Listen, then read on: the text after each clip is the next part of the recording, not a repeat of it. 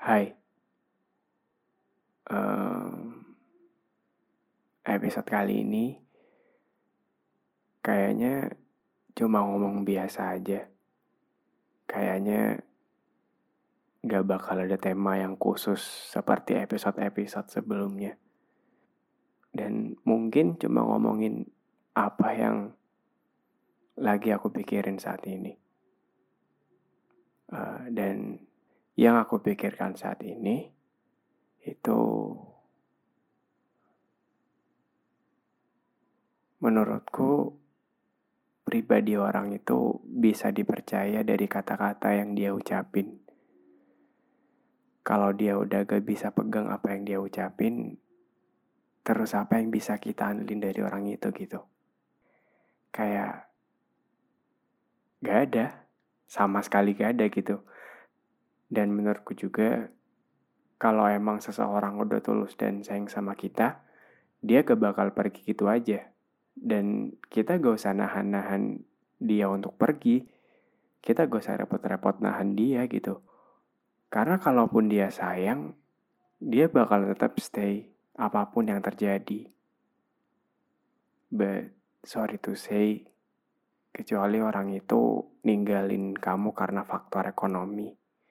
Misalkan seperti contoh, kalian udah mau serius nih, kalian udah mau lanjut ke jenjang yang lebih serius daripada yang sebelumnya.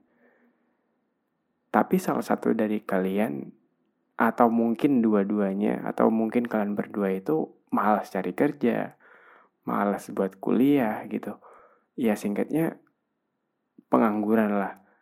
Itu tuh udah beda ranah gitu.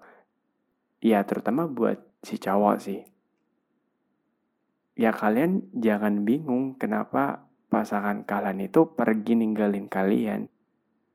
Ya itu sebenarnya bukan suatu hal yang patut dipertanyakan sih.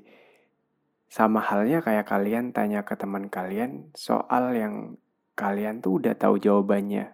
Soal yang kalian tuh udah tahu temen yang kalian tanya ini bakal jawab apa. Aku sempat mikir, aku gak bakal bisa stay untuk orang yang gak mau stay untuk aku sendiri. Karena menurutku hubungan itu adalah timbal balik antara dua orang yang saling menyayangi. Take and give.